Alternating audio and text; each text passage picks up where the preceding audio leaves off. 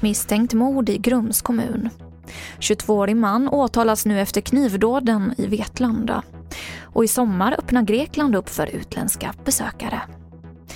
TV4-nyheterna börjar i Grums där en man hittades livlös utanför kommunhuset i natt. Enligt uppgifter till Aftonbladet så dödades offret med ett vasst föremål. Polisen har anhållit två personer i 20-årsåldern misstänkta för mord.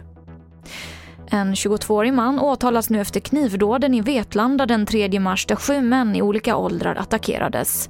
Fyra av offren hade livshotande skador. Och mannen som greps strax efter överfallen åtalas för sju mordförsök.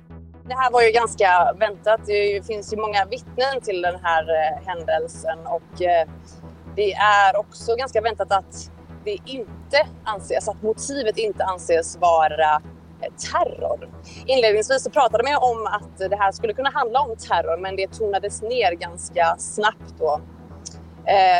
Så av allt att döma så anser åklagaren att det här är helt enkelt ett vansinnesdåd.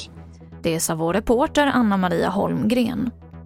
Liberalerna vill utreda ett förbud mot kusinäktenskap. Enligt partiet har kusingifte ofta kopplingar till tvångsäktenskap och hedersrelaterat förtryck utsatthet ökar i samband med att det är två familjer som har möjlighet att också kunna kontrollera eh, och planera och genomföra de här äktenskapen. Eh, och det är också viktigt att se på, som man sällan tar upp, att det är mycket svårare att skilja sig ifrån eh, kusinäktenskap.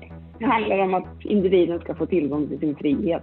Det sa Liberalernas partisekreterare Juno Blom. Och i sommar öppnar Grekland upp för utländska besökare trots att sjukhusen är fulla av covidpatienter med ett tiotal dödsfall varje dag.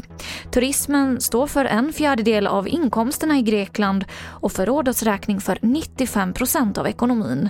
Ytterligare en förlorad sommar skulle vara förödande. Och vaccinpass tänkta att tas i bruk den 1 juli anser grekerna är för långt bort.